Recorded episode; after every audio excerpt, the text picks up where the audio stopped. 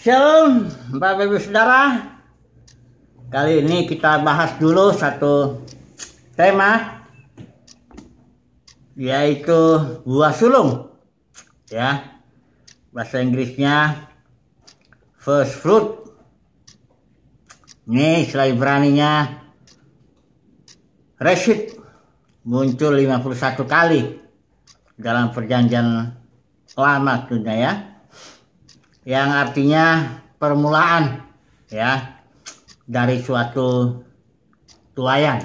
Jadi buah sulung itu kalau orang Israel disuruh memberikan persembahan hasil bumi yang permulaannya itu sebelum nanti ada uh, tuayannya. Nanti ada lagi perpuluhan dan sebagainya.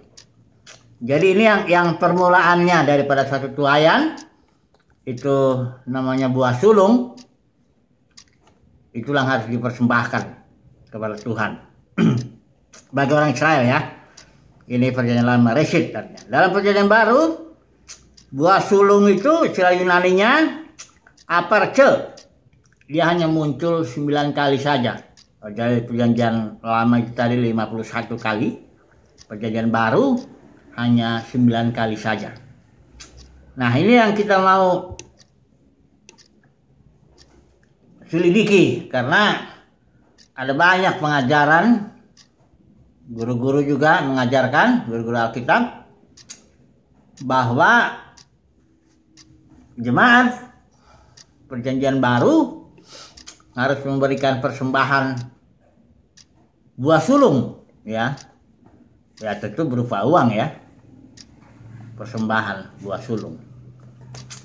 Nah mari kita melihat dulu apa sebenarnya buah sulung dalam perjanjian baru. Dalam perjanjian lama jelas buah sulung itu hasil bumi ya. Yang harus dipersembahkan kepada Tuhan ya. Tetapi dalam perjanjian baru ini apa? Nah ini sebelum kita masuk ke sini kita harus sepakat dulu dalam penafsiran itu kita harus melihat memperhatikan satu prinsip yang terlalu amat sangat penting ya. Namanya prinsip konteks. Konteks itu dari istilah Yunani kon dengan tekstus. Tekstus itu terjalin artinya. Kon itu bersama. Jadi kalau digabung terjalin bersama. Dan kalau diterapkan kepada literatur itu artinya konteks itu ada yang di atas dengan di bawah itu ada connection of thoughts ada hubungan pikiran. Ide-ide itu ada benang merahnya ya. Jadi kalau orang mau menafsirkan di sini ide yang di sini lihat juga ide yang di atas yang di bawahnya.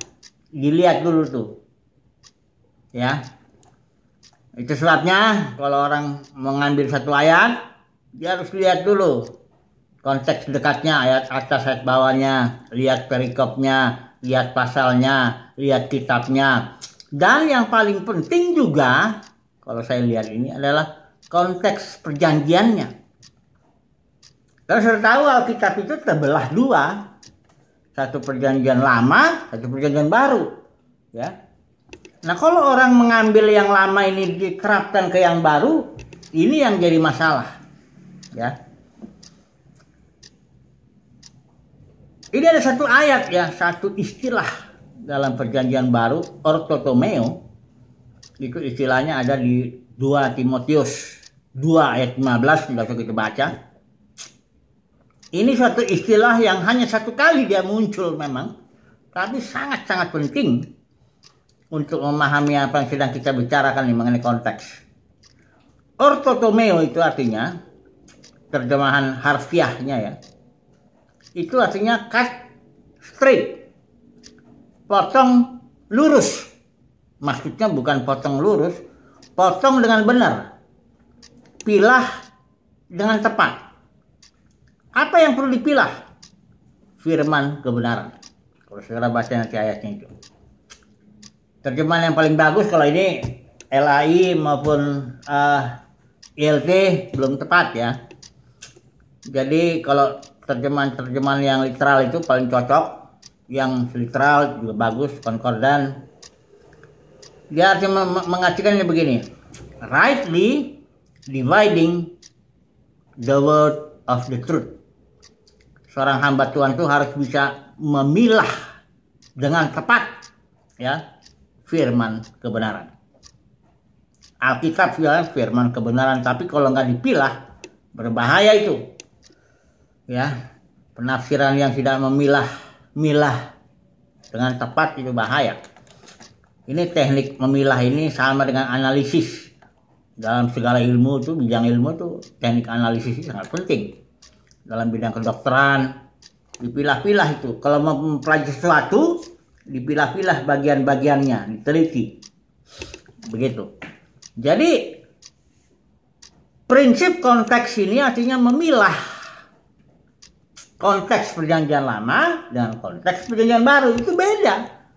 Perjanjian lama itu firman kebenaran di perjanjian lama itu itu adalah perjanjian antara Yahweh dengan Israel yang diper, diperancarai oleh Musa.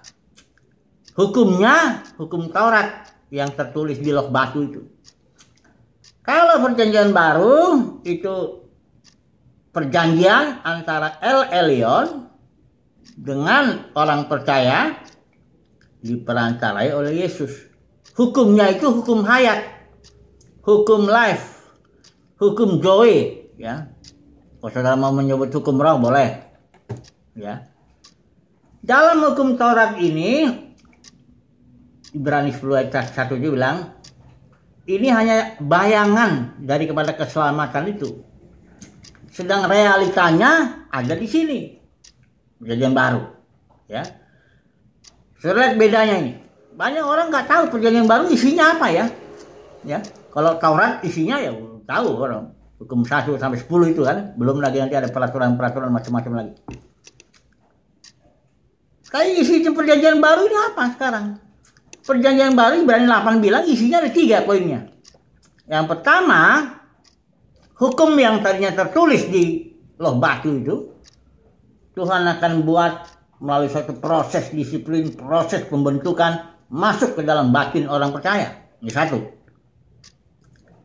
jadi kalau hukum perpuluhan, hukum buah sulung, jangan langsung dulu yang tertulis itu. Enggak, dia masuk ke dalam. Nanti kita lihat. Ya. Kedua, isi perjanjian baru ini.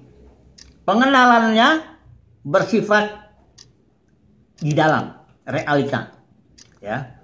Kalau di sini orang Israel mengenal Yahweh di Gunung Sinai itu ada jarak.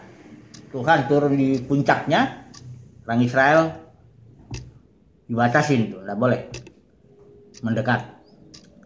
Nah, kalau perjanjian baru karena joy life itu hayat masuk ke dalam batin, ya berarti pengenalannya pengenalan yang di dalam ya. Berikut pengampunan dosa. Di dalam perjanjian lama itu hanya bayangan.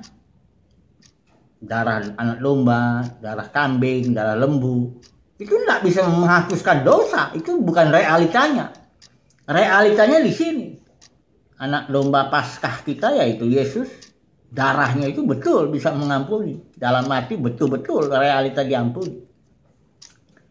Jadi ini harus dipilah dengan jelas. Inilah konteks. Kalau ada satu ayat lihat konteksnya. Bukan hanya atas bawah aja. Supaya bisa mengerti alur pikiran itu, tapi juga konteks perjanjiannya. Kalau enggak ya bahaya nanti. Oh di sini dalam perjanjian lama hamba Tuhan itu istrinya banyak. Bapak orang beriman aja Abraham banyak kok. Ya lebih dari satu lah pokoknya. Tapi di sini nggak boleh. Jadi nanti kalau main comot-comot begitu aja, tidak dipilah-pilah, bahaya babi saudara. Nah ini kembali kita ke mm, topik kita buah sulung, ya. Kalau dalam perjanjian lama jelas lah buah sulung itu bukan suatu hal yang sulit lah. Buah sulung itu artinya hasil pertama daripada hasil bumi orang Israel itu persembahkan kepada Tuhan. Ya, namanya kalau ada, buah sulung biasanya itu artinya ada buah-buah berikutnya. Tuayan berikutnya maksudnya. Nah, nanti tuayan berikutnya orang Israel mempersembahkan juga dan perpuluhan termasuk. Ya. Sekarang buah sulung dalam perjanjian baru ini apa? Saya akan baca tiga ayat saja. Setelah itu kita akan melihat nanti Matius 13 untuk uh, memperjelas sebenarnya buah sulung ini apa. Mari kita lihat dulu Jakobus 1 ayat 18 ya. Saya pakai coba dari dua uh, dua terjemahan ya ILT dan LAI. Kalau di ILT Jakobus 1 ayat 18 itu bunyinya begini. Yang telah menentukan agar kita garis bawahi kita itu ya kita menjadi suatu buah sulung dari ciptaannya. Kita orang percaya menjadi suatu buah sulung dari ciptaan Tuhan. Nah coba dulu kita lihat terjemahan LAI ya Yakobus pasal 1 ayat 18 tadi Begini dia ya. Atas kehendaknya sendiri ia telah menjadikan kita oleh firman kebenaran supaya kita dari bawah ya kita pada tingkat yang tertentu menjadi anak sulung. Bilangnya anak sulung di antara semua ciptaannya. Kalau di sini terjemahnya buah sulung lebih tepat, ya. Memang yang dimaksud yang dimaksud ini apa aparce ya buah sulung first fruit. Jadi buah sulung itu apa dalam perjanjian baru? Bukan hasil bumi. Buah sulung dalam perjanjian baru itu adalah orang percaya. Nah, mari kita lihat lagi satu ayat lagi Wahyu 14 ayat 4. Coba dulu kita lihat ILT ini ya. 14 ayat 4. Saya bacakan ini. Mereka ini adalah orang-orang yang tidak mencemarkan diri dengan wanita-wanita karena mereka adalah percaka. Mereka ini adalah orang-orang yang mengikuti anak domba ke mana pun dia pergi. Mereka ini sudah ditebus dari antara manusia sebagai buah sulung. Jadi buah sulung itu siapa? Mereka ini yang ditebus itu. Yaitu orang-orang percaya. Ya, sama itu ya terjemahan di sini juga begitu. Jadi dari Wahyu maupun dari Jakobus kita tahu bahwa sulung itu adalah orang percaya. Nah mari kita melihat lagi satu ayat lagi Roma. Sekarang kita ambil LI ya terjemahan LI. Roma pasal 8 ayat 23. Roma pasal 8 ayat yang ke 23. Nah, mari kita baca dulu ini sebentar ya. Ayat 23-nya. Dan bukan hanya mereka saja, tetapi kita yang telah menerima karunia sulung roh. Terjemahannya karunia sulung roh ya. Coba dulu kita lihat yang di sini. Roma 8. Roma 8 ayat 23. Bagaimana di sini bunyinya? Yang terjemahan ILT. Roma 8 ayat yang ke 23. Saya bacakan di sini. Ayat 23 dan bukan hanya itu tetapi juga kita sendiri dengan beroleh buah sulung roh. Ini nggak jelas juga ya. Coba dulu kita lihat yang ini terjemahan Letterlock ini apa nih? Hasan Sutanto ya coba dulu kita lihat Roma 8 ayat yang ke 23 ya. Roma 8 saya bacakan dulu untuk kita. Roma 8 ya. Ayat yang ke 23 Roma 8 ayat yang ke 23 nah mari kita melihat ini. Apa yang tertulis di sini ya? Ini langsung kayak interlinear ya ini seperti begitu ya. Mari kita lihat di sini ayat yang ke 23 di sini dikatakan kita sendiri ya adalah buah sulung dari roh. Jadi ini konteksnya ini kita menunggu ya kita ini sebagai sebagai yang yang pertama pun daripada pekerjaan roh itu menunggu pengangkatan sebagai anak yaitu pembebasan tubuh kita. Jadi lebih tepat ini bahwa kita inilah buah sulung dari roh dari pekerjaan roh kudus itu kita inilah yang pertama yang buah sulung. Ya, jadi kembali Roma 8 juga mengatakan bahwa buah sulung itu orang percaya. Ya, Nah mari kita melihat lagi satu ayat terakhir Matius 13 perumpamaan tentang penabur. Kita nggak usah baca ini ayat ini banyak kita sudah hafal ini ya. Di sini ada perumpamaan seorang penabur. Dikatakan di situ menaburkan. Dalam teks asli tidak ada istilah menaburkan benih. Karena kalau nanti ada istilah benih, fokus kita jadi kepada benih ini, yaitu kepada firman. Bukan itu. Perumpamaan ini begini. Ada seorang menabur. Setelah itu ada empat jenis orang yang hasilnya itu. Yang pertama dia menabur. Ya. Di tanah yang keras.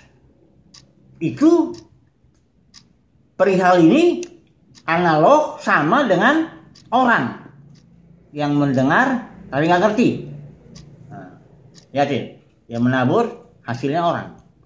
Yang kedua, dia menabur lagi. Jatuh di tanah yang tipis, ada batu di bawahnya. Nah ini sama dengan orang. Perhatikan ya, yang mendengar ya terima tapi nggak berakar. Kena sinar matahari mati. Yang ketiga, ini menabur lagi. Jatuh di semak duri. Ini sama analog dengan orang yang dia mendengar, terima, tapi tipu daya kekayaan dan kekhawatiran. Akhirnya nggak tunggu.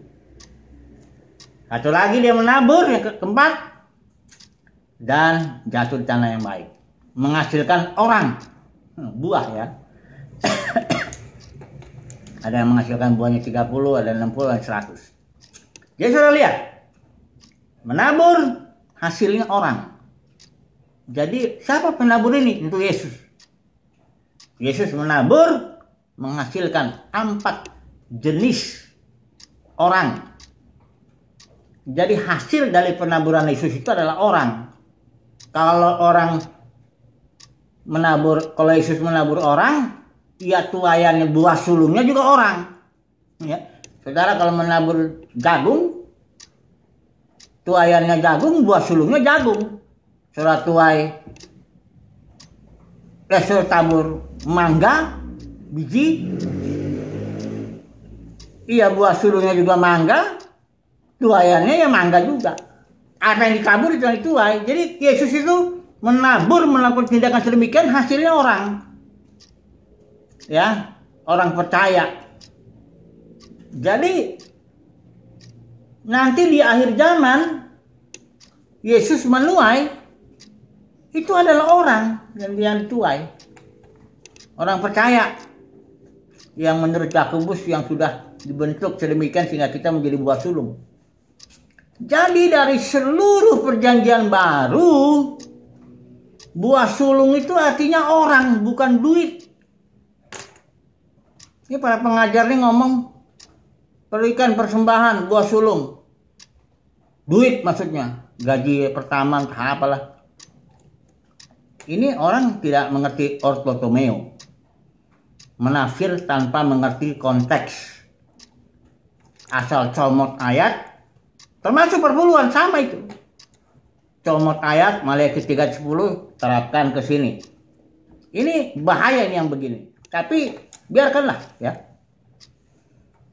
para pengajar Alkitab ini nanti di hadapan pengadilan Kristus dia akan dihakimi dengan ukuran lebih berat menurut surat Yakobus ini. Makanya katanya jangan banyak orang di antara kamu mau menjadi guru. Karena sebagai guru kita akan dihakimi menurut ukuran yang lebih berat. Barangkali kalau jemaat nilai-nilai 5,5 atau 5,7 misalnya sudah lulus di zaman berikut sudah boleh memerintah bersama dengan Tuhan Yesus. Tapi para pengajar, guru ini, nah ini barangkali harus nilainya 8 atau 8 setengah baru dia lulus. Ukurannya lebih berat karena guru ini dia memberi pengaruh pada banyak orang. Jadi ukurannya memang harus lebih berat lagi. Oleh sebab itu saya tidak menghakimi orang yang mengajarkan buah sulung itu persembahan uang terserah saja. Tapi saya tergerak untuk menyampaikan pendapat saya yang saya yakini sesuai dengan Alkitab bahwa buah sulung dalam perjanjian baru adalah orang percaya yang akan dituai oleh Yesus di akhir zaman itu nanti. Kalau namanya buah sulung itu Yesus dapatkan akhir zaman itu, tentu ada buah-buah berikutnya. Jadi melalui buah sulung ini Yesus akan mendapatkan seluruh manusia. Karena Yohanes 12 ayat 32, Yesus bilang gini, apabila aku ditinggikan, disalib aku akan tarik semua orang datang kepadaku Alkitab katakan setiap lutut bertelut lidah mengaku Yesus adalah Tuhan ya hanya di zaman ini Yesus tidak tarik semuanya Yesus tarik hanya sebagian orang yang adalah buah sulung itu karena Yesus tegas bilang, tidak ada seorang pun datang kepadaku. Kalau Bapak nggak tarik dia, kalau Bapak nggak gerakan dia nggak bisa orang datang pada Yesus. Yesus tegas bilang bukan kamu yang pilih aku, aku yang pilih kamu. Jadi puji Tuhan kalau kita bagi saudara dipilih Yesus sebagai buah sulung di zaman ini. Nanti di zaman berikut kita akan dipakai Tuhan sebagai imam-imam dan raja-raja untuk tuayan-tuayan berikut sampai Bapa menjadi semua dalam semua sampai setiap lutut bertelut lidah mengaku Yesus adalah Tuhan. Puji Tuhan kesimpulannya jadi pokoknya buah sulung dalam perjanjian lama itu memang hasil bumi itu orang Israel lah yang harus mempersembahkannya. Nggak ada urusan kita di situ. Urusan kita di sini sebagai buah sulung. Kita sungguh-sungguh lah ya. Jangan ajarkan buah sulung di sini duit ya. Buah sulung dalam perjanjian baru itu orang orang percaya. Haleluya. Puji Tuhan. Amin